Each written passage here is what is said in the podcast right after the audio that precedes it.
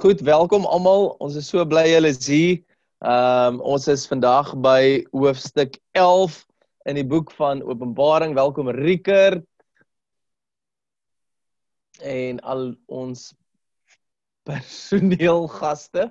Ehm um, so ons is in hoofstuk 11 net so vinnige agtergrond weer. Ehm um, hoofstuk 8 tot 10 ehm um, gaan oor ehm um, die trompette, bassyne wat blaas en elkeen is daar 'n verskillende oordeel eintlik wat ehm um, oor oor die aarde kom, ehm um, oor sekere dele. God het die me sy mense verseël met 'n merk ehm um, wat nie die doop is nie. Ehm um, maar dit is die die Heilige Gees en ehm um, dit is hoekom hulle 'n bietjie moes wag. Die gelowiges wat op die troon van God staan in hoofstuk 6 wat vra wanneer gaan u ons bloed wreek oor die aarde? Het hy gesê net nog 'n klein tydjie en toe het hy die gelowiges verseël. Dit was 'n groot menigte elke nasie en stam in hoofstuk 7 wat ehm um, wat hom aanbid wat op die troon staan. En ehm um, ons sien dat hulle besig is met aanbidding. Ehm um, en dan hoofstuk 8 begin die sewende seël nou oopgemaak te word Ehm um, en uh, dit is waar dalk om dit net weer te noem wat ons nou gesê het voor ons begin met die opname is dat Openbaring ehm um, is nie 'n ding wat kronologies volg nie. So vir dis van ons wat so 'n bietjie de mekaar is oor rol die een ding nou uit die ander ding uit. Dit is nie noodwendig so nie. Ehm um, dis meer soos 'n diamant met verskillende hoeke. Ehm um, waar wat eintlik by die een selfde boodskap die dieper waarhede van die evangelie en van God en van sy karakter en van Jesus wat sentraal is uitkom by. Ehm um, so dink soos dit is soos 'n ei wat ons besig is om af te skil. Nou ons gaan nie binne by 'n klein eitjie uitkom nie. Ehm um, maar dis is dis amper soos la wat ons besig is om om dieselfde waarhede net van verskillende kante af te sien. So ons is by die derde ehm um, derde visioen. Dit is die ehm um, as ek nou reg is, dit is die die ja, dit is die Openbaring 11 in die Bybel. Ehm um, en ons het dat ek net weer ek het nou myself hier skus. Die sewe trompette het ons gesien. Ehm um, die sewe bassyne is geblaas nadat die groot menigte gesien is. Die sewende seël is oopgemaak. Ehm um, en die oordeele het homself het dit self begin. Die ehm um, ons het verlede week gesê op hierdie op op hierdie recording dat dit is die ehm um, die arrogansie van die mens dat hulle hulle self verset teen God en dat hy hulle verskrik. En Psalm 2 het ons gelees wat baie waardevol was wat gaan oor die ehm um, jy weet God wat eintlik spot dryf met dies wat in arrogansie teen hom in opstand kom en dat hy hulle verskrik sodat hulle kan draai na hom toe en hom kan aanbid en dies wat hom nie aanbid nie gaan wel onder sy oordeel staan en dis dan die die die bassyne wat blaas, die eerste trompet, die tweede trompet, die derde trompet, die vierde trompet, die vyfde trompet, die sesde en dan die sewende. En ons is nou by dan hoofstuk 10 word die boekie geëet. Ehm um, wat ehm um, dit wat se inhoud soet is. Ehm um, en of so iets. Die inhoud is soet. Ek is nou al vergeet, maar die boekie word geëet ehm um, die getuienis van die gelowiges um, word soal vermoor en ehm um, verdruk en gekeer die die gelowiges self kan nie iets aan gedoen het nie maar hulle getuienis doen wel ehm um, so ons is nou by hoofstuk 11 in die boek van Openbaring en ehm um, hierso het Johannes uitdruklik wel hy het die eerste opdrag gekry om die boekie te eet en die tweede opdrag is om die om die tempel uit te meet. Ehm um, en dit is nou waar ons vanoggend oor wil gesels.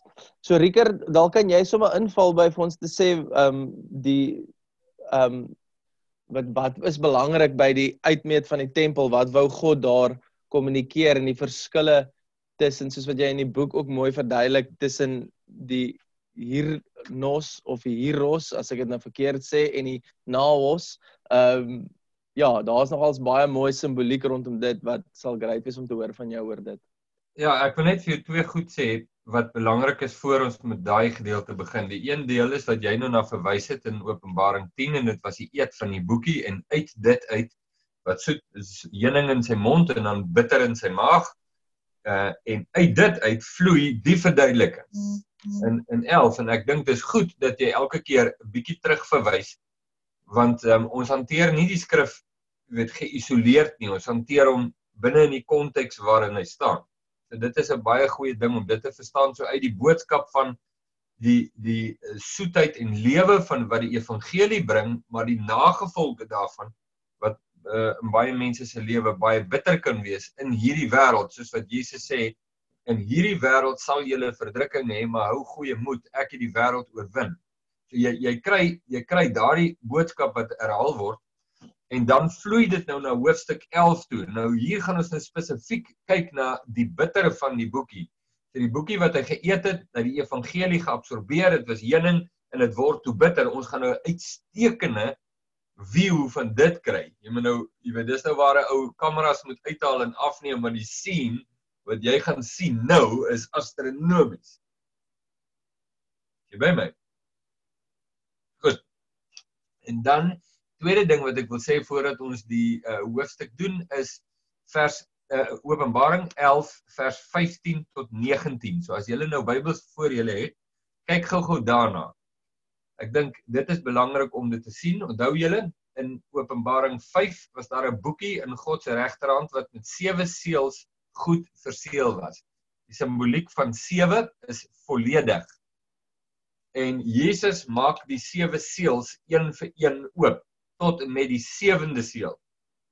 En, en en dan verneem ons ook van sewe bassyne en die sewende basyn wat nou plaas blaas. Nou 'n basyn wat die wekroep van God is. Net die basyn wat blaas is 'n wekroep van God. Hoe weet ons dit? Dit kom uit die Ou Testament aan. Ons het dit al daar by Sinaï gekry en jy weet die opdrag wat God vir hulle gee om die shofar te blaas. Dis ook waar julle gemeente se naam vandaan kom die, die dit is 'n wekroep van God wat sê kom en hoor die woorde van die verbond. En uh, dit was ook die wekroep wat uh, wat die uh, uh, ou volk van Israel gereed gekry het vir oorlog en so voort en so voort. So die die basyne wat blaas is die wekroep van God uh, na die nasies van die aarde om te sê hoor die woorde van die verbond van God, hoor die woorde van die waarheid. Uh as julle daarna sal luister, dis Deuteronomium 28 as julle daarna sal luister, geseënd sal julle wees in die stad, geseënd sal julle wees in die veld en so voort. Baie kosbaar, maar as julle daarna nie sal luister nie, vervloek sal julle wees in die stad en in die veld en so voort en so voort. So die boodskap, jy weet die die herinneringe waar waar of die kruisverwysings wat jy na toe kan teruggaan in die res van die Bybel is astronomies wat uit hierdie gedeelte uitvloei. So in Openbaring 11 vers 15 tot 19 kry jy die sewende basyn. Sewe, wat is dit? Volledig en finaal, die finale wekroep van God. Die finale basyn. Nee, die die voltooiing daarvan en die toneel wat geskets word is die laaste oordeel. Die laaste oordeel, die wekroep van God wat die hele wêreld roep tot verantwoording. En dan kry jy 'n epiese vers soos byvoorbeeld 18 vers 18 wat sê in die ou vertaling en die nasies was vertorend. Nou ons weet dit kom uit Psalm 2. Jy het nou ook daarna verwys en hordes ander hoofstukke en gedeeltes. Eh, die nasies was vertorend teen God. Hulle het gesê kom ons gooi sy bande van ons af. Hulle wil met hom niks te weet eh, te doen hê nie. Hulle vervolg sy uh, getuies. Ons gaan dit nou lees in die eerste 14 verse van hoofstuk 11. Hulle vervolg hom, hulle vervolg sy getuies, hulle verwerp sy woord, hulle is vertoring op God. En dan sê vers 18 verder en u toring het gekom. In die tyd van die dode om geoordeel te word en om die loon te gee aan u diensknegte die profete en aan die heiliges en aan die wat u naam vrees, klein en groot en om die verderwers van die aarde te verderf. Dit is 'n dis dit 'n wat hoeveel woorde ek het nou nie getel nie, maar dit lyk vir my soos een lang sin. Een lang sin wat 'n ontsettende dramatiese inhoud het. En daar word gepraat van die wêreld en van die kerk. en God wat finaal optree. Optree teen die verderwers, hy verderf die verderwers van die aarde en hy beloon die diensknegte. Goed. En dan sluit die hoofstuk af met die woorde en die tempel van God het in die hemel opgegaan en sy verbondsark is in sy tempel gesien en daar was weerligte en stemme en donderslaan aardbewing en groot haal. Nou daardie woorde weet ons dit is soos 'n pakkie. Nee, dit is so 'n frase van 'n konglomerasie van woorde wat die oordeel van God uh beskryf in helder kleure. Die woorde stemme donderslag aardbewing 'n groot haal kom reg deur die Bybel voor. So so hoofstuk 11 sluit af met die finale oordeel. Hoofstuk 12 gaan nou weer terug. Is nie 'n kontinuasie daarvan nie. Hoofstuk 12 gaan nou weer terug in die verhaal en gaan haal iets anderste.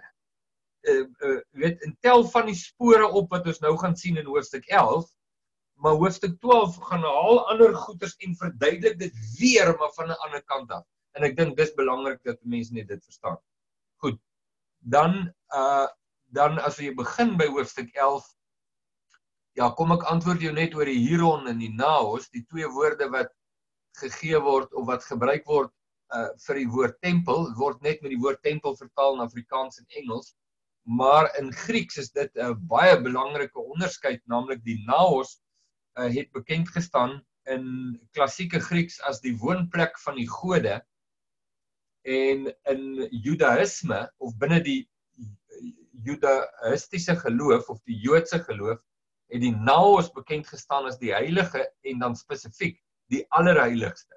Maar daardie is 'n klein gebouetjie in die hele tempelkompleks wat enorm was. In in waarskynlik vandag se geld miljoene rande gekos het om te bou in daardie hele kompleks was daar 'n klein gebouetjie wat bekend gestaan het uh, was as die Naos en dit was die heilige gedeel deur die groot gordyn na die allerheiligste. Heilige waar net sekere priesters kan kom in die allerheiligste waar net die hoofpriester eenmal 'n een jaar op Yom Kippur mag verskyn in die teenwoordigheid van God. En dis die Naos. Die Hieron, die Hieron word ook tempel vertaal in Afrikaans, maar beskryf die res van die tempelkompleks. So jy die naos wat wat baie skerp gedefinieer is en die hieron is die res en 'n goeie uh ver ehm um, verwysing om te gebruik daar is Johannes 2 waar Jesus die die duiwe verkopers uit die tempel drywe. En die woord wat in Grieks gebruik word daar is hy dryf hulle uit die hieron. Met ander woorde, die duiwe verkopers sit nie in die naos nie. Niemand kan daar kom nie. Hulle sit in die voorhoewe en dis waar Jesus hulle verdrywe. Wat natuurlik ook 'n baie sterk profetiese heenwyse was na die rol van Jesus as die primarius van God. Die een wat die seels gaan breek op die boekie en die trompette gaan inlei. So dit wat jy in Openbaring sien word uh word voorspel in in Johannes hoofstuk 2. So Johannes kry opdrag om die tempel te meet in die Griekse woord is naos. So dit is 'n baie spesifieke gedefinieerde deel van die hele tempelkompleks. En die feit dat hy dit meet beteken dit behoort aan God. Die deel van die hele tempelkompleks wat aan God behoort is die naos. Niemand kan deel wees van die naos as God hom nie toestemming of uh, toegang gee nie. En nou ja, dit is 'n baie sterk ding. Dit uh, dit het heen wys is na Johannes 10, Johannes 15 en weet hordes ander gedeeltes in die skrif wat wat baie kosbaar is. Goed. So nou nou sien ons by 42 maande word die Hieron of die heilige stad en die Hieron, die voorhoewe word vertrap 42 wat 3 en 'n half is 42 maande is 3 en 'n half jaar 3 en 'n half is die simbool uh van die te, dis die teenoorgestelde van 7, die helfte van 7 is 3 en 'n half. Dit beteken nie volledig nie en nie volkome nie. Met ander woorde, tydelik, so oral waar jy die woorde 42 maande, 1270 dae, 3 en so, dis alles dieselfde. Dit beteken al dieselfde is 3 en dit beteken onvolledig of tydelik. So vir 'n tydelik ehm um, word uh, kan ons 'n vertrapping waarneem van die wêreld uh wat die heilige stad vertrap. En uh en maar maar die een deel reserveer God. En dit is die woonplek van God en Paulus beskryf dit as die liggaam van Christus. So daar's baie godsdienste en daar's baie godsdienstigheid, maar God se gees en teenwoordigheid is nie daar nie. Sy teenwoordigheid en gees is slegs in die naos. Die wêreld vertrap. Ehm um, die res. Die res van die tempel as jy dan nou wil. En dit behoort aan die wêreld, maar God is nie daar nie. Nou nou die implikasie daarvan is sterk want as jy die woord kerk gebruik. Kerk, dan is dit so goed asof jy gebruik die woord tempel. Dit beteken nie eintlik iets nie. Want die tempel bestaan uit die naos en die hierom en die kerk bestaan uit mense wat aan Jesus gekoppel is en mense wat nie aan hom gekoppel is nie. sien die die die die sekulêre verwysing kerk die kerk het besluit wie wie wie was die kerk wat besluit het nou ek dink dis dis baie belangrik vir gelowiges om te verstaan dat die kerk bestaan uit twee groepe mense. Die kerk bestaan uit heidene wat die hieron vertrap. En die kerk bestaan uit die naos. Of ons kan dit ons kan sê die kans is baie goed dat dat 'n gemeente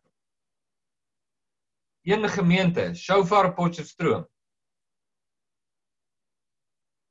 moontlik ons is ons is almal in die ons is almal in die naos. In die naos. Ah, lekker Ai. die kans is goed dat 'n gemeente dieselfde kan beleef. Nou nou dit dit is 'n situasie wat jy nie wil hê nie ehm um, die ergste is wanneer 'n kerkraad bestaan uit lede van die naos en heidene wat die tempel vertrap. sien. Dit wil jy nie hê nie en en daaroor is Paulus en Petrus ontsettend uitgesproke. Uh ontsettend uitgesproke. En hulle sê geweldige kras goed daaroor dat daar nie in die naos in die gemeente die liggaam van Jesus uh het die wêreld geen reg of toegang baie sterk daar. Goed. So dit is nou nou daar's baie meer inligting wat in die boekie gegee word, maar dis hoe die eerste 3 versies van hoofstuk 11 afskop. Nou. So wat belangrik is is dat jy verstaan die feit dat God die opdrag vir Johannes gee en sê meet die naos is belangrik. Jy moet verstaan want God sê die naos is my eiendom. Dit behoort aan my. Die res behoort aan die wêreld. Maar hulle hulle vergryp is net tydelik, is net 42 maande, 3 en 'n half. Daar gaan 'n oomblik kom en ons het dit nou gesien aan die einde van hierdie hoofstuk. Daar gaan 'n oomblik kom waar God sê einde van die storie, nou behoort nou behoort uh ek wil dit gou vir jou lees. Die koninkryke van hierdie wêreld het die eiendom van ons Here geword en van sy Christus. So daar's hierdie tydelike vertrapping. Ons gaan dit nou sien in hoofstuk 12 ook. Tydelike vertrapping. Maar dan kom 'n oomblik waar God die streep trek en sê dis verby. Genoeg. Goed. Nou uit hierdie toneel van die kerk wat te midde van die wêreld is. So jy die naos te midde van die vertrapping. Uit hierdie situasie kom die volgende situasie. En dit word beskryf in vers 4 tot wat is dit 4 tot 14. En dit het te doen met die twee olyfbome en die twee kandelaars wat voor God van die aarde staan. Wat 'n amazing gedeelte en natuurlik die verwysing na die profete in die Ou Testament is net onmiskenbaar. So jy jy weet jy kan nie jy kan nie verby daai enetjie kom nie. Hy is net bitter kosbaar. Wat is die betekenis hiervan? Wel, die die uh die skrif sê En Jesus het baie baie sterk ook daarna verwys in Johannes 8 dat in die getuienis van 2 of 3 sal 'n saak vas staan. En uh dit was dit was God se se um, riglyne waarmee ons hier te doen het, die twee olyfbome en die twee kandelaars is die getuienisfaktor van die kerk. En ons weet dat Paulus skrywe dat die gemeente is die pilaar en grondslag van die waarheid in die wêreld So die getuienisfaktor van die van die die liggaam van Jesus op aarde. En en wat vir my so kosbaar hier is uh, Gilius dat uh niemand kan aan die naos raak nie. Hoekom nie? Want dit behoort aan God. Hy hy is die hy is die president van die naos as jy so, so wil. Dit behoort aan hom. Hy is die eienaar. Maar vers 4 tot 14 sê dat die wêreld kan aan iets raak. Hulle kan nie aan die gemeente vat nie. Hulle hulle kan nie in die gemeente raak nie. Want God bewaar die gemeente. Maar hulle kan iets aantas. Net soos wat Job die Satan toestemming by God gekry het om Job siek te maak en al sy goed weg te vat, maar nie sy lewe te neem nie. Het God die grense gestel. Net so stel God die grense hier. En die grens is niemand kan aan die kerk vat nie. Maar hulle kan iets doen. Nou in hierdie hoofstuk sien jy die een ding en in hoofstuk 12 sien jy die tweede ding wat hulle kan doen. So ek gaan dit vinnig net sê dan het jy dit as jy nota wil maak. Die die een ding wat hulle kan doen in hoofstuk 11 is hulle kan die getuienisfaktor van die kerk vernietig. Hulle kan nie die kerk vernietig nie, maar hulle kan die getuienisfaktor van die kerk vernietig. Kom ons vat terug na Job nou net sommer terwyl dit nou in my kop is. Die Satan mag Job nie doodmaak nie, maar hy kan Job se gesondheid uitwis en hy kan Job se se rykdomme verwoes en vernietig en hy kan Job se familie vernietig. Maar hy kan hy mag nie God het die grens gestel, reg? So die dis die een ding wat die wêreld kan doen. Hulle kan die getuienis van die kerk aantas en die tweede ding wat hulle kan doen. Tweede ding is hulle kan die kerk binnendring. Goed, hulle kan nie die kerk vernietig nie, maar kan die kerk se getuienisfaktor vernietig en kan die kerk binnendring. Nou dis hoofstuk 12, daai tweede een. Sal daarby kom wanneer die draak gewater spoeg agter die agter die gemeente aan. Alraai.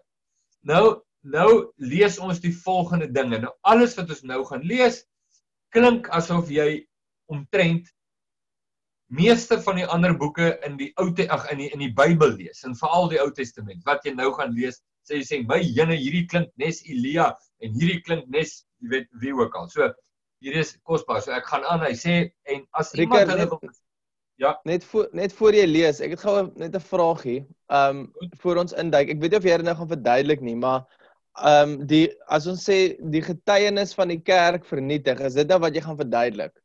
Ja. Okay, okay. Skus. Ja. Dan word dit later vra. Ja, die publieke getuienis van die kerk. Gaan nou vir jou 'n paar voorbeelde gee in ons moderne wêreld waar dit gebeur dis, dat jy dit kan verstaan. Dis wat ek wil hoor, ja. Ja.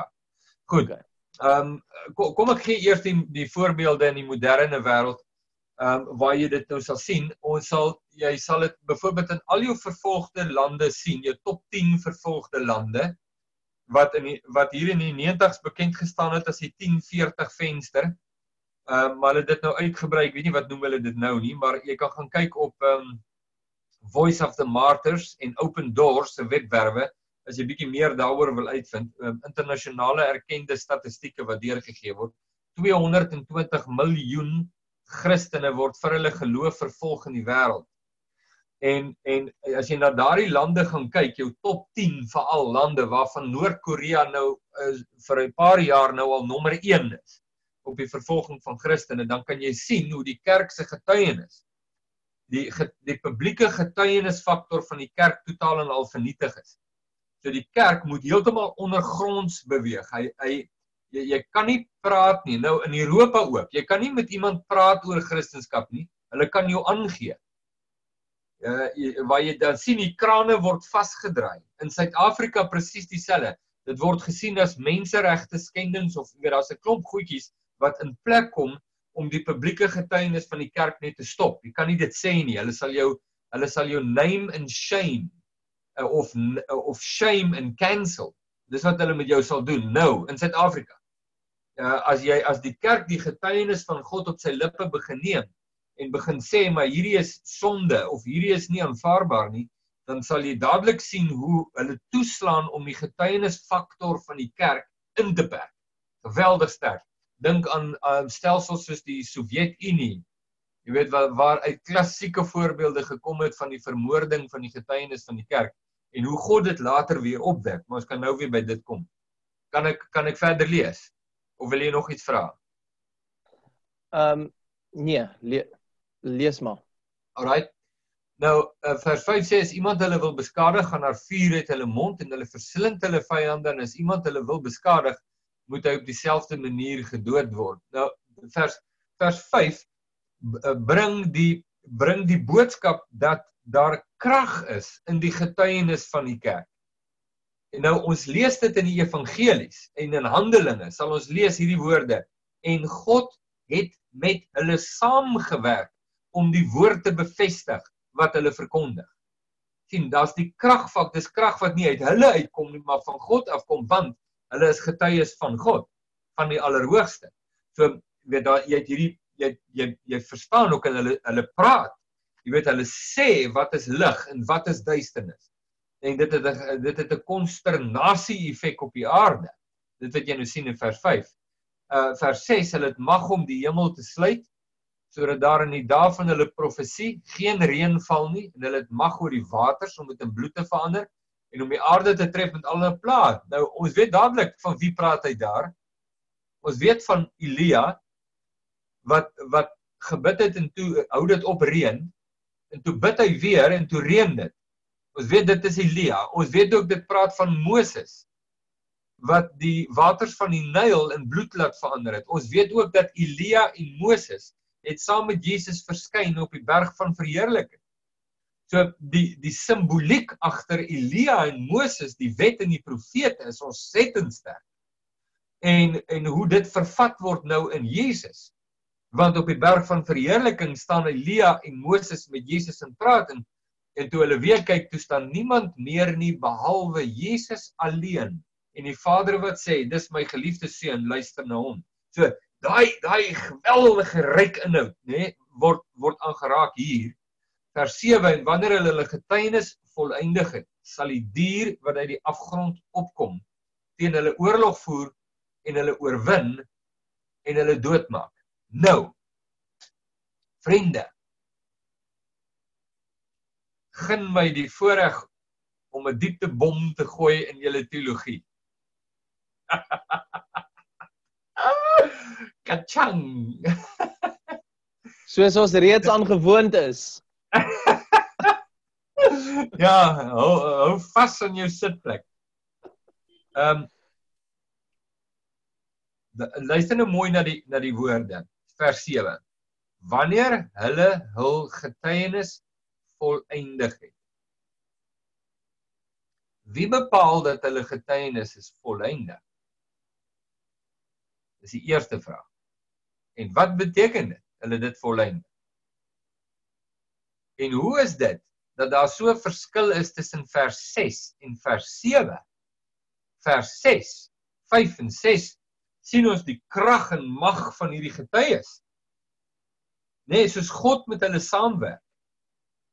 En dan in vers 7 word hulle doodgemaak. Hoe werk dit?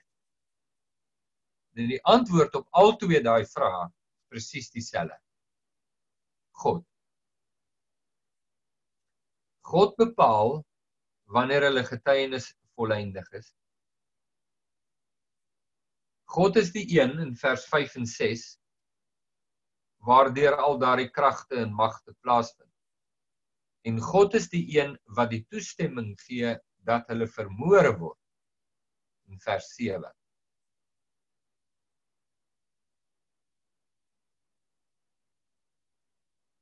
Hoe weet ons dit? In die Bybel sê so. Waar? Wel, ons het verwys na Job, daar's 'n goeie voorbeeld. Jy gaan dit lees in die volgende hoofstuk ook waar jy die woorde lees. En dit is aan hom gegee om hulle te dood te maak en te vervolg. Wie het dit aan die draak gegee? Wie gee dit aan hom? Die antwoord is God. Nou. Daai diepte bommetjie is bedoel om nou te sak. Want hy gaan sak, sak, sak tot op 'n diepte en dan bars hy. En jy moet nou mooi uitkyk daarvoor want hierdie verskynsel wat jy nou hier gaan lees, gaan nie net een keer voorkom. Ek wil dit vir julle verwys as 'n hele paar dinge. Vat Stefanus.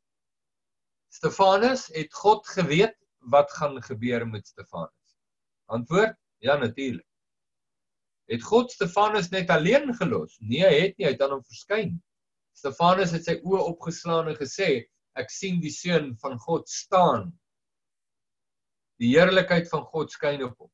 Maar het God geweet wat gaan nou gebeur binne die volgende paar minute? Ja. So, hoekom het hy niks gedoen nie? Hy het nie niks gedoen nie. Hy het twee baie belangrike goed gedoen. 1 het Stefanus bedien met die oog op dit wat kom en 2 hy het die mense wat daar sit toestemming gegee om te doen wat hulle gedoen het. Kom ek gee vir jou nog 'n voorbeeld. Jesus sê vir Pilatus in Johannes 19: Jy kan geen mag oor my hê behalwe as dit aan jou gegee is van bo. Daarom sê Jesus het hy wat my aan jou oorgelewer het groter skuld. Dit is 'n interessante stukkie uh om te verstaan dat wat beteken die soewereine mag van God. En dis gewoonlik hier waar ons gloupies heeltemal blaas. Hoe is dit dat God beide liefdevol kan wees en kan toelaat dat hierdie getuies vermoor word? Jy sien en dit is vir ons incompatible dat dit kan waar wees. Die die krisis wat ons het is onvermydelik. As jy dit probeer vermy, hardloop jy van die kraans af. So jy moet dit hanteer. Jy kan dit nie net toesmeer nie. Want daar is dit. Reg. So ek gaan nou aan met daai enetjie en hy sê vers 7 kom ek lees oor en wanneer hulle getuienis volëindig het, sal die dier wat uit die afgrond opkom teen hulle oorlog voer en hulle oorwin en hulle doodmaak en ons gaan dit weer sien in die volgende hoofstuk. En hulle lyke sal lê op die straat van die groot stad wat geestelik genoem word Sodom, Egipte en waar ons Here gekruisig is. En mense uit die volke en stamme en tale en nasies sal hulle lyke 3 en 'n halwe dag lank sien en nie toelaat dat hulle lyke in die graf gelê word nie. Die bewoners van die aarde sal bly wees en verheug wees oor hulle en sal vir mekaar geskenke stuur omdat die twee profete die bewoners van die aarde gepynig het. En na die 3 en 'n halwe dag het 'n gees van die lewe uit God in hulle gegaan en hulle het op hulle voete gaan staan en in groot vrees het geval op die wit landskap. Ek like hierdie deel verskriklik baie. Want dit is so evangelies, jy kan daarmee swys. Ehm um, uh, wat gebeur die die heilige stad wat genoem word Sodom Egipte waar Jesus gekruisig is, natuurlik simboliek want daar bestaan nie 'n stad wat bekend staan as Sodom Egipte en Jerusalem nie. Dis drie verskillende stede, maar hier word verwys na dit as een stad. So wat is dit? Dis die simboliek dit wat verteenwoordig word deur Sodom, dit wat verteenwoordig word deur Egipte en dit wat verteenwoordig word deur Jerusalem. Wat is dit? Dis die hele wêreld opgesom in drie woorde. Sodom, Egipte, Jerusalem. Dit is die die seksuele of die morele verval van die wêreld. Dit is die politieke verval van die wêreld soos ons dit in Egipte sien. Egipte wat die simbool is van wêreldoorheersing uit die Bybel, praat van die Ou Testament, baie sterk en Jerusalem wat die simbool is van die valse kerk. Hoekom die valse kerk? Want Jerusalem staan bekend as die heilige stad wat die Messias verwag en toe hy kom te vermoor hulle hom. En daarom is hulle 'n vals ehm um, dis 'n dis 'n vals heiligheid wat daar is. So daar het jy die drie dinge. Die morele verval, die wêreldstelsels en die valse kerk. En raai wat gaan nou gebeur in die volgende hoofstuk? Jy gaan met hierdie drie persoonlik kennis maak. Jy gaan jy gaan persoonlik kennis maak met die morele verval van die aarde en die wêreldstelsels en die valse kerk. En daardie drie gaan opgesom word in twee simbole: die diere die see, die diere die aarde en bo hulle die draak. Alraai, so jy jy kry dit, dis die aanloop vir wat kom. Hier is die aanloop. So dis waar Jesus gekruisig lê. En waar lê die lyke? Hierdie twee waar lê die lyke van die die getuienis van die kerk? Dit lê op straat vir 3 en 'n halwe dae Wat beteken 3 en 'n half? Ag, is maklik. Ons het dit al hoeveel keer gedoen. Dis 42 maande, 3 en 'n half jaar. 3 en 'n half dae beteken tydelik. So ons sien hier 'n baie belangrike boodskap dat God bepaal wanneer die getuienis van die kerk volëindig. God gee toestemming aan die Satan om die getuienis van die kerk te vervolg en dood te maak. En God wek die getuienis weer op. Die getuienis van die kerk sal net tydelik aangetast word. Dis die kosbare ding wat jy moet hoor hier. So Noord-Korea moet net een ding weet. Il Yam wat ook al sy naam is van Noord-Korea het 'n baie kosbare boodskapie wat hy moet verstaan. Jy kan nommer 1 in die kerk nie vat nie. Jy kan sy mense doodmaak, maar jy kan in die kerk nie vat nie. Jy kan sy getuienisfaktor vermoor. Dit kan jy doen. Maar die nuus is, meneer president van Noord-Korea, jy gaan jou in God vasloop want hy self sal die getuienis in Noord-Korea weer opwek. Noord-Korea, Rusland, Suid-Afrika, die wêreld noem dit maar. Reg. En en maar nou interessant jy sien in vers 9 en 10 dat die bewoners van die aarde is baie baie bly dat die getuienis van die kerk is uh is dood. Hoekom is hulle bly? Want want Johannes verduidelik dit in Johannes 2 en in Johannes 3 en sê dat die mense haat die lig. En kom nie na die lig nie sodat hulle werke nie openbaar sal word nie. sien so jy kry dit hier. Dit is hoekom die mense dit haat. Haat die lig. So hulle die getuienis van die kerk wat lig is nee wat hulle getuig van die lig. Hulle staan mos onder die koning wat sy gesig skyn soos die son in sy krag en hulle getuig van hom. So daai lig uh, en dit het 'n ontsettende pynigende effek op die wêreld want dit openbaar die duisternis. Hulle hou niks daarvan nie. So die oomblik toe die getuienis van die kerk dood is, toe hou hulle groot party en stuur vir mekaar amazing WhatsApps en Facebook boodskapies en ek weet nie wat alles nie en memes en daar sit hulle is baie bly. Maar groot is hulle. Nou kyk vers 10 sê omdat die twee profete die bewoners van die aarde gepynig het. Ja, dit is vir my so amazing. ah, die kerk se getuienis het 'n pynigende effek op die wêreld en dit is dis onder andere waar jy kan sien hoe ver die kerk val. Die oomblik wanneer die kerk sy getuienis probeer aanvaarbaar maak vir die wêreld. sien, die die kerk probeer die pynfaktor uit die getuienis verwyder sodat dit nie so pynlik moet wees op die op die wêreld nie, weet jy die kerk het Jesus verlaat. Dis hoe jy weet. Alraai. Uh vers 11 sê uh en dan en toe kom maar die groot vrees van God. Het dit nou onthou ek in 1994 toe uh staan Vitali en Oleg van Alpha Ta Omega gemeente in Kiev in Oekraïne staan hulle in uh, die Logos Baptiste gemeente in Bellville en hulle preek en uh, Oleg uh, was 'n lid van die Komsomol. Dit is nou soos die voortrekkers vir die kommuniste gewees daai jare. Dis die kommunistiese jeugbeweging en hy was weet baie in dit in. En uh in ek dink in 19 nou moet ek nou moet ek gryp hier na datum, maar sê nou maar 85. In 1985 het die Sowjet nasionale televisie gesê, hulle het 'n ou dae gehad iemand jy weet of nee nee ekskuus hulle het nie iemand daar gehad nie hulle het gesê hulle gaan iemand hê Hulle sê oor 5 jaar of 10 jaar, oor 10 jaar, dan gaan ons vir julle wys hier op nasionale televisie die heel laaste Christen in die uh Unie van die Sowjet Sosialistiese Republieke, die USSR. Oor 10 jaar, jy weet so om net te sê maar is agterlik en dit is uh jy weet dit is uh argaïs en jy weet Christendom is so. Dit was in 1985. In 1991 toe stort die Sowjetunie in duie. En uh en die kerk in Sowjetrusland is sterker as wat dit nog ooit was voor dit. En, en skielik besef jy maar daar is iets soos God en sy teenwoordigheid. As daai twee getuies waar hulle vermoor op die straat lê, skielik opstaan, dan kom daar 'n siddering onder die mense van die aarde om te weet jy weet dat daar 'n God is God Dis 'n geweldige ding wat beskryf word daar.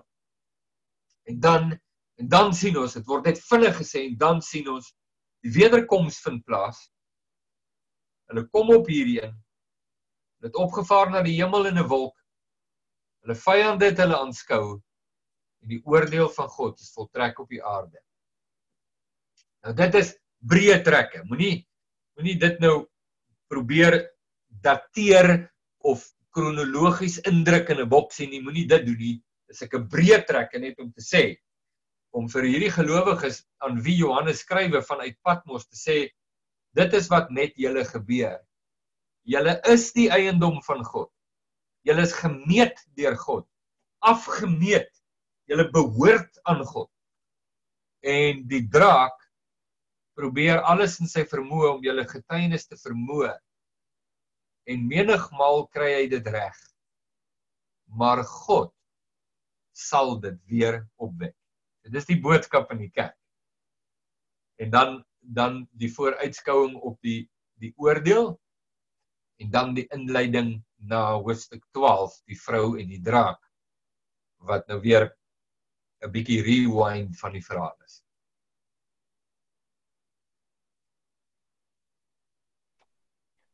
So, dit is verskriklik ryk um aan 'n klomp goed. Uh die, die die feit dat hulle die eiendom van God is, die getuienis wat jy weet die die tipe getuienis dat dit 'n bekeringsboodskap is dat hulle um, ek dink dit sê eers dat hulle geklee is in sakke. Ehm um, ja, dit is hier in 11. Hulle is geklee met sakke. Ehm um, en hoe die wêreld dit haat en dan vir hulle self verheug as dit as hulle doodgaan. Ehm um, Sê net iets oor daai sakke, Gili. Ja, in jy, in jou boek het jy geskryf dat die sakke is ehm um, is ek het dit nou help my as dit nie reg is nie, maar die sakke is ehm um, tradisionele drag vir bekering en belydenis wat gedra word. Uh, so dit is hoekom hulle geklee is in hierdie ehm um, sakke.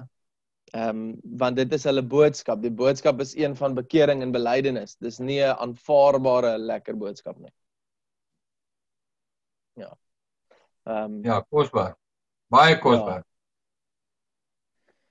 Ehm ja. um, so so ehm um, wat hoe hoe hoe het hierdie bom binne in jou gebars rondom die soewereiniteit van God wat hy toelaat en sy liefde. Uh met 'n groot knal. Dis hoe hy gebars het. Ja, jy jy jy ehm um, ek onthou jare terug lees ek Floyd McClung se boek The Father Heart of God. Nou Floyd McClung uh is uh, jy weet dis 'n man wat regtig met die Here wandel en hy skryf hierdie besondere boek en die boek het miljoene, der miljoene kopieë verkoop want daar is so 'n geweldige behoefte om die evangelie te verstaan in die konteks van 'n vader en uh, en die jy weet die verduideliking oor hoekom dit so is is astronomies. Dit gaan geweldig diep.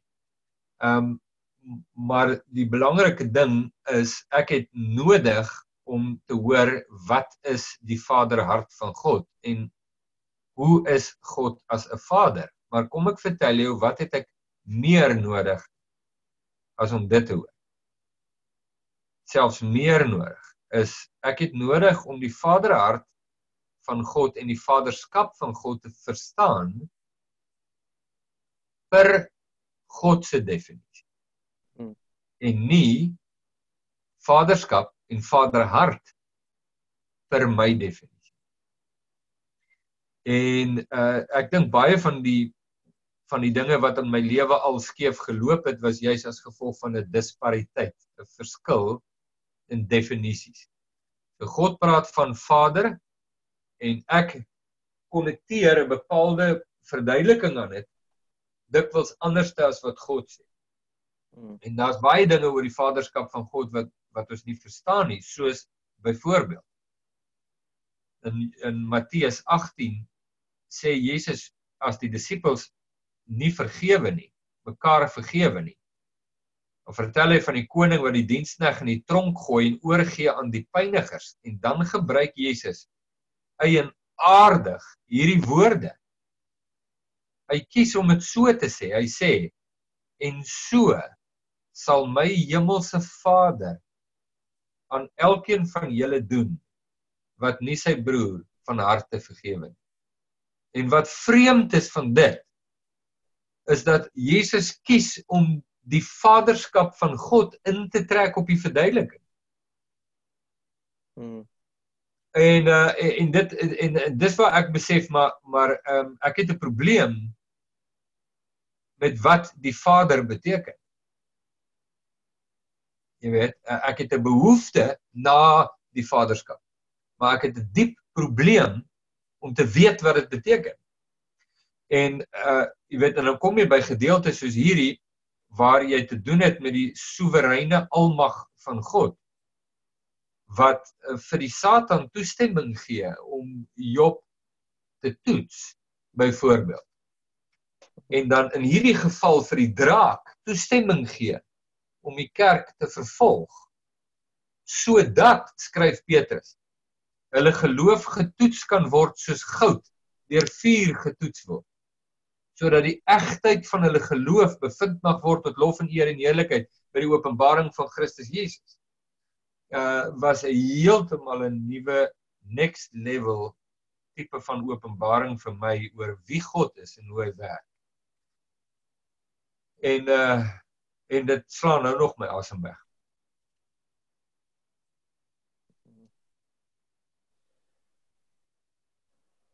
Christo, wil jy iets vra daar? Ek wil eintlik maar net iets deel. Ehm um, gister toe Andri my vrou nou die behoefte om hierdie fliek van Jeremy Camp te kyk, I still believe. En die fliek gaan oor die getuienis van Jeremy Camp. Ek weet nie of julle nou weet wie Jeremy Camp is. Wat sê? Uh, wat sê? So dit gaan oor sy getuienis, is op box office op die oomblik op die DStv. En dit gaan oor sy getuienis waar hy ehm um, lyk like my kom uit 'n redelike ek, ek verstaan nie lekker die konteks nie, maar ek dink amper hy kom uit 'n Christelike huis uit waar sy pa ook bediening probeer en dit lyk of dit nie van die grond af kom nie. En dan gaan hy college toe en hy het hierdie droom om hierdie groot gospelsanger te word om om dit te maak. En dan ontmoet hy hierdie meisie daar en hulle raak verlief. Hy raak eers verlief op haar en dit raak so ongemaklik en dan later word die meisie siek. En sy kry kanker en hy begin op hierdie verhoog te sing en hy begin in hierdie groot groepe bymekaar kom waar hy sing tussen mense en dan vra hy dat die mense vir hom moet bid want sy moet vir hierdie groot sy moet vir 'n hysterektomie gaan. Dis dis nou al gevorder die kanker is. En net voor die operasie toets hulle haar weer en sy is heeltemal genees van kanker. En dis vir hulle 'n groot ding en intussen het hulle verloof geraak en hulle trou. En op hulle witbrood op die hoeveelste dag van witbrood terwyl daar is kom sy agter iets is nie reg nie. Hulle vlieg haar hulle is dadelik terug huis toe en hy sit met hierdie worsteling voor God oor hoekom ehm um, het hy saam met soveel gelowiges in geloof gestaan om vir haar te bid om genees te word en sy word genees en net so word sy weer siek en dan 'n tydjie later ek wil nou nie die hele fliek vir julle spoil nie maar die die kort en die lank van die boodskap is dan gaan sy dood. En hoe hy met hierdie worsteling sit en dan later dan slaan hy sy gitaar stukkend en dan sy vir hom daarin 'n boodskap gelos. En waar sy haar getuienis met hom deel oor wat in haar geleef het en hoe hierdie nog 'n uh, verheerliking van God is vir die manier hoe sy dood gegaan het in haar getuienis en wat daar gebeur het. En dan is die hele ding eintlik maar die fliek is opgeneem hy is dan nou weer getroud met 'n vrou. Ehm um, wat gesê het sy het gesê dat al moet sy doodgaan sodat een persoon gered kan word deur haar getuienis glo sy dit is God se doel vir haar lewe. En hoekom ek nou hierdie deel is dit dis altyd een van daai goeters wat ons word baie hard hierdie wêreld geslaan oor in hierdie tyd waarin ons nou lewe en klomp goed wat gebeur is waar is God in al hierdie dinge? Ehm um, en waar daar 'n wanpersepsie is van wie God is en hoe hy lyk like, en hoe hy werk en en ek dink ons as Christene dis dit is nou vir my weer die boodskap wat hier uitkom hang baie maklike boodskap aan van 'n uh, liefdevolle Vader en 'n God van liefde en ons mis sy soewereiniteit daarin. En dan wanneer mense kom met die moeilike vrae dan is die eenvoudige maklike boodskap van God is liefde nie meer so maklik om om te dra in 'n tyd van hierdie moeilike en hartseer en seer wat daar gebeur en die tsunami wat Thailand tref en die kerk wat in massas daar uitgewis word en en basies God wat hoe hoe kan hy toelaat of dit laat gebeur dat hierdie mense gebeur so soos maar net so iets wat ek daaruit wil deel. Mm. Ja ja ja ja ja ja ja. Dit is 'n groot onderwerp en nou wil ek vir sê Christo, uh tot en met 'n 'n paar jaar gelede was hierdie onderwerp so sensitief vir my dat ek nie bereid sou wees om deel te neem aan hierdie gesprek nie. Ehm um, wat jy nou initieer daar. Want dit was te sensitief vir my want ek kom ek kom uit uit die stalle daarvan. So ek sou byvoorbeeld glad nie Jeremy Camp se storie gelees het nie want dit sou my te veel ontstel het.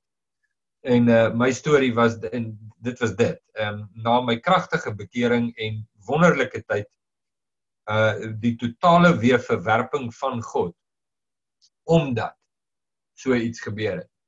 Uh, en dit het jy weet dit het my geskit tot in my siel en vir jare daarna was dit 'n sensitiewe area. Selfs toe ek terugkom na God toe, was dit sensitief. Kan kan ek want ek kan nie sin vind daarin nie. Jy weet dit, dit is my ding. Wat is die sin daarin? Hoekom sal God dit doen? Hierdie jong man wetende wat gaan gebeur en wragtig hy lei hom deur. Verstaan jy? So ek sal ek sal so reageer. Woe, en dan raak ek ongelooflik aggressief. En dit was 'n storie wat die Here met my moes deurwerk en dit het diep diep gevat. Ek kom eens nou dink, is nie 'n kognitiewe oefeningkie nie. Dit is iets wat baie diep slaan in jou wese en uh en dit blyk oral op in die skrif, jy weet, ek wou dit net nooit raak lees nie want dit het my nie gepas nie. Uh maar nou nou dat ek besef maar hoe genees die Here my in hierdie area nou te kinders. Jy weet dit is so 'n eksponensiële verhaal. Uh en ek ja, dan sien ek net maar hoe kosbaar werk God selfs te midde van tragedie en dat dit nog steeds God is wat in beheer is. Ja, wat 'n verstommende boodskap.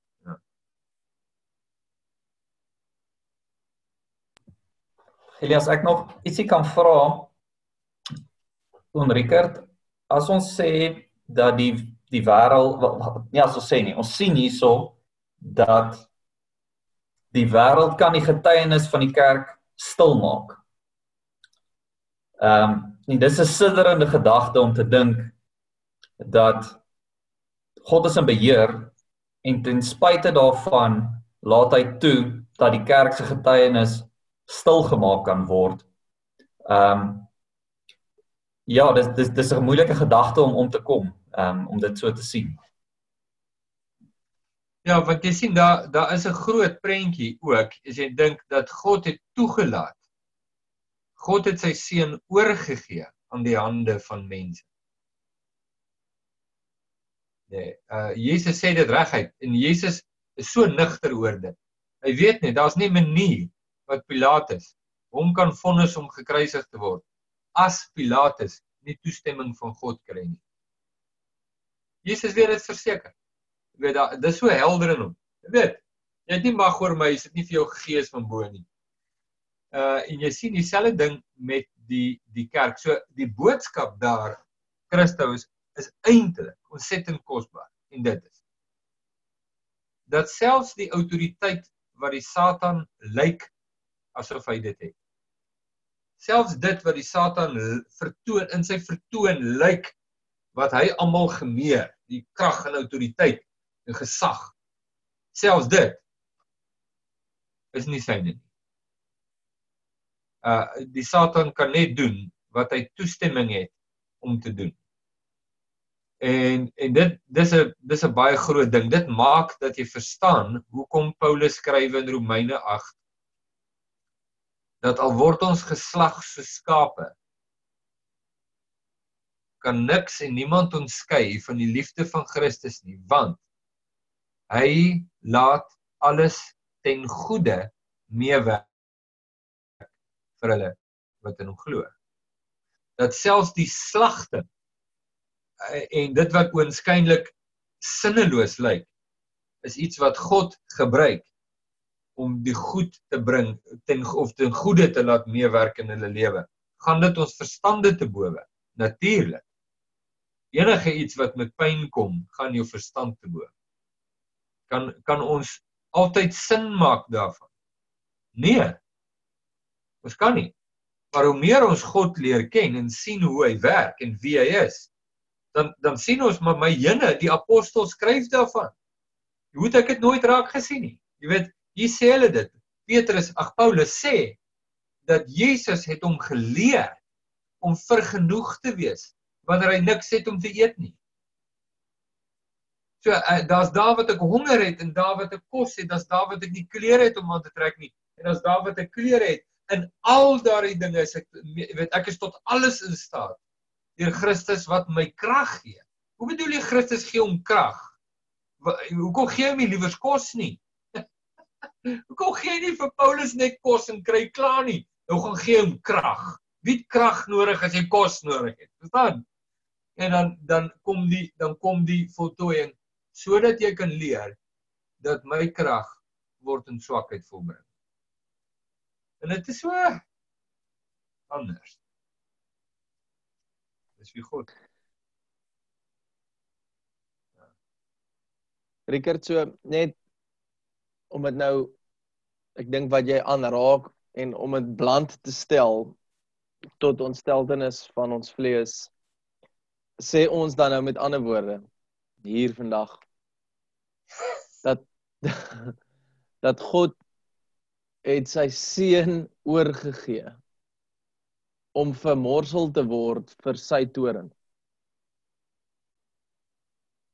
Ja. Dis wat hy sê. Dis wat die seun self sê. Ja. En ja. en ek dit is ook die vader dit is ook die vaderhart van God. Dit is ook sy seun. Ja. Ja. Ja ja ja ja ja ja ja ja. Ja, Gili, dis waar. ja. Ja. Ja. Sien en en dit bring perspektief ver bo jou jare en jou ondervinding.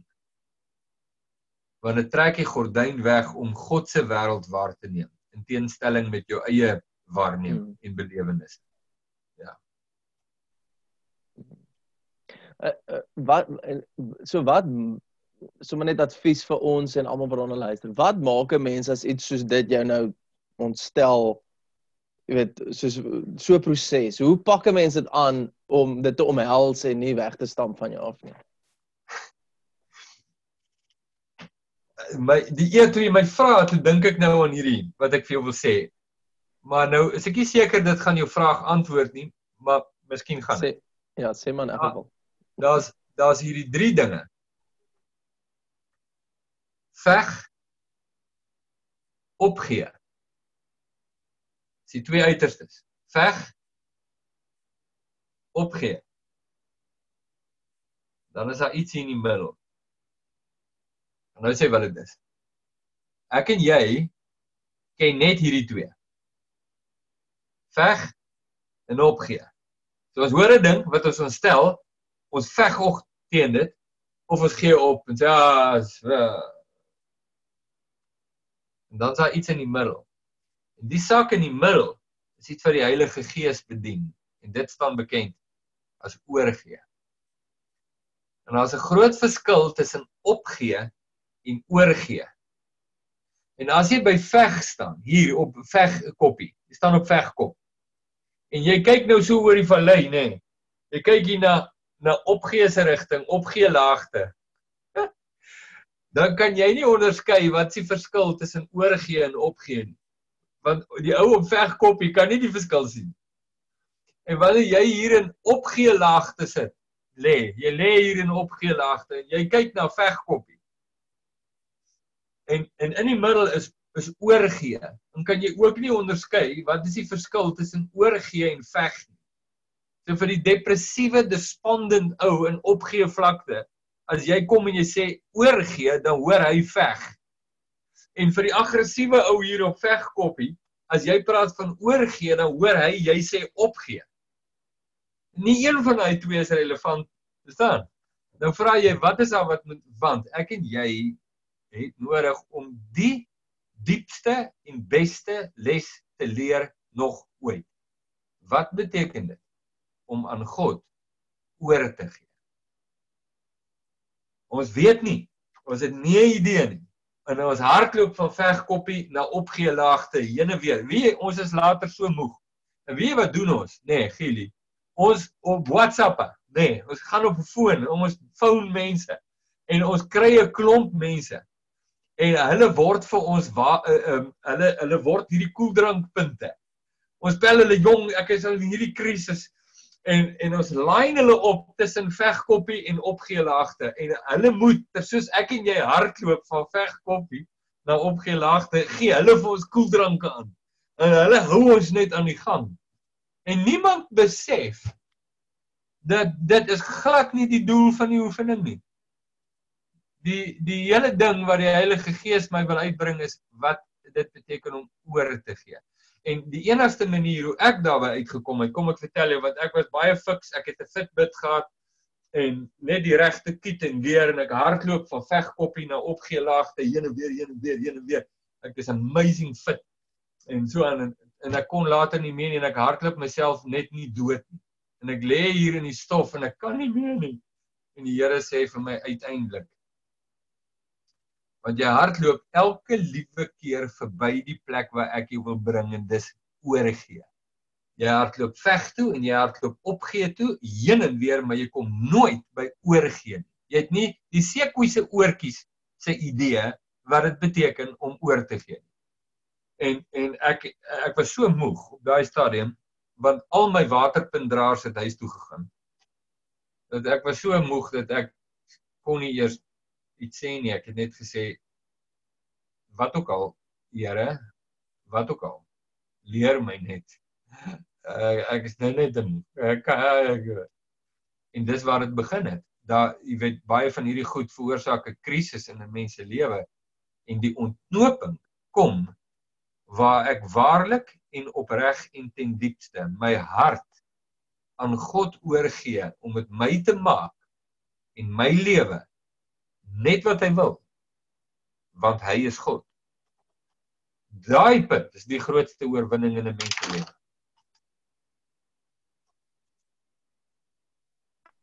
Um dit is ek sit en dink nou hierso en ek wil dit nou makliker maak vir ons almal en vir my.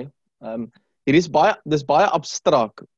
Um jy weet hierdie hierdie uh worsteling met God gee sy seën oor hierdie dieper goed en dit kom dit bring ons by by oorgee. Het, het jy nie 'n voorbeeld van 'n soos in 'n real life situation half waar hierdie waar dit gebeur nie? Uit jou eie lewe uit nie. Sorry, ek wil nou nie jou hele lewe hier ja, ja, oopkrap vir 'n audience nie. Kom ons vat die voorbeeld van van kinders kom ons vat dit as 'n voorbeeld. Joeg, daar daar's eintlik briljante voorbeelde. En as my vrou nou hier was, sou jy nog beter voorbeelde gehoor het. Ehm, um, um, maar kom ons vat die voorbeeld van my my een kind is nie by die Here nie. En en die benoudheid wat ons as ouers belewe oor hierdie kind en oor sy leefstyl. En en oor sy uiteindelike ewige bestemming. En dat ons jy weet uit benoudheid uit probeer om goeie ouers te wees en geestelike ouers te wees. En hoe dit ons gebede dikteer en hoe ons bid en, en wat ons alles sê en wat ons alles doen en op die ou einde net te besef maar ons het nog nie geleer wat dit beteken om ook ons kosbaarste besitting, as jy dit nou so wil stel, jou kind oor te gee in God se hande nie. Ons wil in beheer bly. Want ons is oortuig dat ons die beste vir hom in gedagte het, naamlik sy redding. En dit klink reg en wonderlik, maar sonder dat ons weet, neem ons God se plek in in ons kind se lewe. So vir ons om af te gee het gevoel dat ons gee op op ons kind. En dit was nie waar nie. So om God te leer ken ehm um, en jy weet ons kind aan hom oor te gee ongeag die krisisse wat in sy lewe mag kom. Dit was net 'n geweldige ding. Dis nou nog 'n geweldige ding. Ehm um, en om te sê Here, wat ook al gebeur, U weet die beste en U is goed. En uh en as my kind sou sterwe en hy's nie by God nie en hy's vir ewig verlore, dat selfs in dit weet ons dat hy skoppende en skreeende teen die genade van God die ewigheid in is.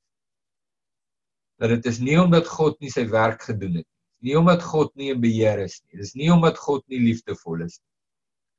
Ehm um, God doen ver meer in daai kind se lewe as wat ons weet, maar ons kom nie daarby uit nie want ons is nie bereid om oor te gee aan God en ons kind.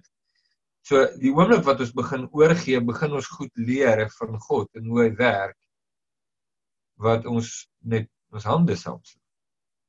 En ek wil net sommer sê vir die rekord op daai punt wat interessant is is die geestelike deurbrake wat ons intussen tyd met ons kind beleef het het slegs gekom na daai kritiese stap.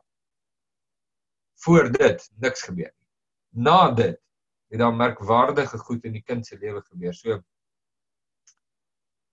weet nie of dit die perfekte voorbeeld is waarna jy nou vra nie, maar ek het sommer daaraan gedink. Ja, nee, dis 'n dis 'n baie goeie voorbeeld. Dankie dat jy met ons deel, Rickert. Ehm um, ek weet nie of daar nog iemand is wat 'n vraag het rondom wat ons nou bespreek het nie. As nie dan ehm um, het ons nou 'n stuk 11 gedoen en dan kan ons kan ons bid. Geen vraag. Right. Rickert, sal jy weer vir ons bid? Ek doen so. Dankie Here Jesus vir u waarheid en vir u majesteit. U is die een wat die seels breek. Hmm. U is die primarius van God. U is die regter van die aarde. U is op die troon. U is die leeu van Juda. En die lam van God. Geweldige goeders. En selfs in ons donkerste krisisse en in ons donkerste ure is u steeds in beheer.